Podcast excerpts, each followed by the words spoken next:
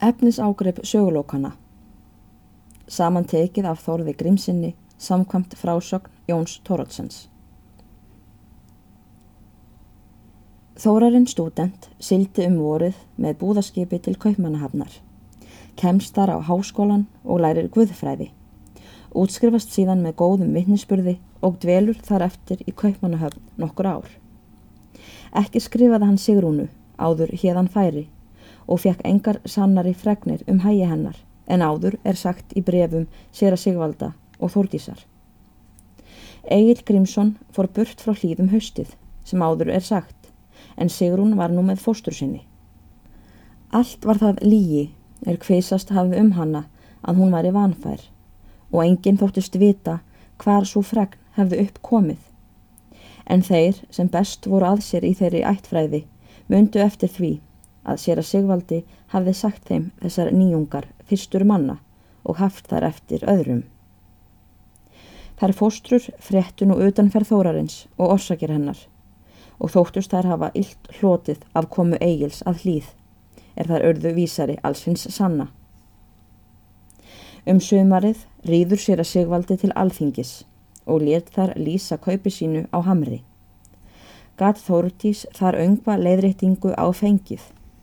Let hún fyrir höfða mál móti presti en tapaði málinu, fyrir prestur flækti það fyrir dómendum, bæði með kænsku og fjö hafði Þórdís ekki efni til að fylgja fram málinu til hlítar.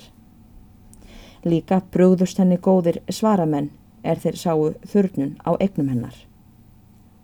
Ekki borgaði prestur henni heldur peninga þá fyrir hamar, er fyrir varum getið, en það gekk hún aldrei eftir þeim. Prestur letum haustið leggja blágrítis klett yfir leiði Sigurðar Bonda sem minnismark og let þar að klappa á nafn hans hvað prestur, stein þennan, myndu geta ennst aldur og æfi ef eigi sikki hann í jörðu niður. En sig hefði hann kostað erðna peninga, ómag og fyrirhöfn. Enda hefði Sigurður sinn heitin átt þetta skilið, því hann hefði borgaði sér þetta heiðarlega í lifanda lífi. Þóttist hann nú vel komin að kaupi sínu á hamri. Þrengdi nú svo að kosti Þórdísar að hún varð að selja allt lausafér sitt til skuldalúkninga og hætta eða búskap.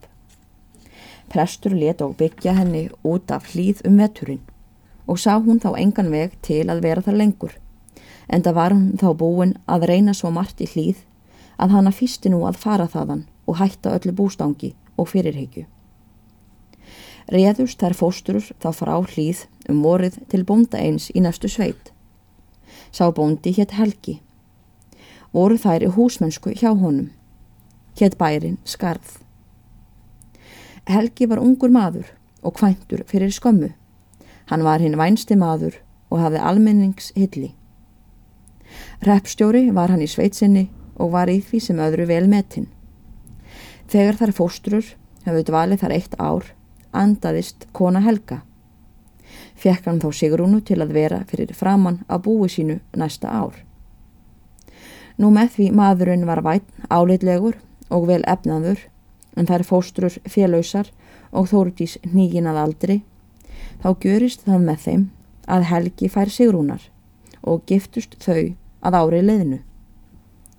Gjörði Sigrún það að áækjan fóstru sinnar og til þess að geta annast hana í elli hennar. En undir neyðri hjælt hún þó vel treyð sína við þórarinn þó hún leti lítið á bera en það hugði hún þau myndi ekki oftar sjást. Helgi unni Sigrúni mjög og voru samfarir þeirra enar bestu. Egnuðust þau eina dóttur, var hún nefnd Þórdís Þórarna. Ekki var þetta hjónaband Sigrúnar langgætt, er þau höfðu búið saman tvö ár, leggst bóndi í sótt og liggur lengi, uns hann andaðist úr sótt þessari hafði hann þá ráðstafað eignum sínum svo að Sigrún fekk að halda búinu óskertu eftir hans dag. Sigrúnu þótti enn mesti skaði um fráfall mannshennar en bar þó harmsinn með stillingu mikilli. Bjó hún nú á skarði eftir mannsinn og hafði gott bú og þótti en mesta samdar kona Urðu margir til að byggja hennar en hún neytaði þeim öllum. Egil Grímsson var með föður sínum eftir að hann fór frá hlýð og kærði jafnan fyrir honum hvem prestur hefði gabbað sig á sigrúnu. Bar Grímur þetta mál undir prest og bað hann ráða bót á. Prestur hugsaði þá lengi um þetta og kom honum þá Guðrún ráðskona í hug og að eigi myndi tjá að láta hann að býða eftir þórarni. En það myndi hann eigi skeita um hanna er hann fretti öll brögð prests þó hann kæmi aftur hvað mjög var óvíst. Guðrún ámálgaði oft við prest að hann emdi lofólð sín með giftingu hennar. Tók prestur það til bragðs, er svo var komið, að hann gefur þau eigil og Guðrúnu í hjónaband. Þótti mönnum fljótt að því undið, en prestur fann nægar ástæður til að flýta öllu og kom því fram er hann vildi. Þau eigil og Guðrún fóru að búa í hlýð, er þá var laus, og var sagt að prestur hefði ætlað Guðrúnu þá jörð í ráðskonukaup. Ekki gekka búskapur þeirra vel og samfarir því miður. Áttu þeir fullt í fangi, grímur og prestur að tala niður millir þeirra og komu stundum til opinberar forlíkanir.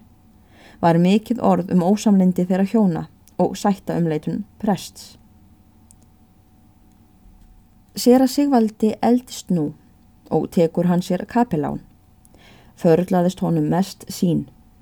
Ekki urðu kapilánar langgæðir hjá honum, fyrir kaup þeirra var ei meira en meðal vinnumannskaup og sagði prestur að þeir inni ekki fyrir meiru. Skipti hann árlega í þrjú ár um kapilána. Úr því hann fekk engan, sagði hann þó af sér prestskap. Voru þá sjö ár lefin frá því þórarinn sildi og kom hann það voru út hingað með skipi frá Reykjavík. Þórarinn frétti nú að staðurinn er laus og þar eð hann var þá atvinnuleus þá sækir hann um stað og færi brauðið. Tekur hann þá vikslu í Reykjavík og leigir síðan hesta norður. Er það um krossmessuleiti er hann byrjaði ferð sína norður og segir ekki um ferðir hans fyrir en hann kemur að skarði. Þar bjó Sigrun nú. Helgi hafði búið þar áður þórarinn sildi og voru þeir málkunnugir. Ætlar þórarinn að hafa þar náttstað og fregna úr héræði sínu hjá Helga en hafði enn ekkert frétt úr þeim sveitum. Kemur hann síðila að skarði og sér ekki manna úti utan stúlkubarn í bæjardyrum, mjög efnilegt, hér um byl fjagra til fimm ára gamalt. Þórarinn kastar hveði á barnið og í því kemur kona út í dyrnar. Var það Sigrún. Heilsar hann henni en ekki þekktust þau í fyrstu. Spyr þórarinn þá um Helga bónda en hún segir honum sem var. Bifur hann þá gistingar og fekk hana. Kemur þá svo að tali þeirra að þau þekkja hvort annað og segja nú hvort öðru frá hvað drifið hafi á daga sína síðan þau skildu. Verða þá mestu fagnaður fundir með þeim. Þórdís gamla fagnar og vel þórarni. Dvelur hann þar nokkra daga og heyrir nú allt um bröð og hrekki sér að sigvalda og finnst mikið um. Þar frétti hann og lát sýstur sinnar, konu sér að sigvalda og harmaði hann hana mjög. Þórarinn gjöri nú ráð sín þar á skarði og er það fyrst að hann sendir mann til að sér að sigvalda með bref. Í hverju hinn nýji prestur á stað byður gamla klerkin að flytja alfarið burt frá stað. Sér að Sigvalda verður hverft við er hann sér hversu nú er komið og myndi hann nú engan síður hafa kosið til eftirmannsins en þórarinn. Bjóst hann við engu góðu af honum eða hans komu. Fær sér nú þegar kot eitt þar skamt frá og flytur þangað allt sem hann getur.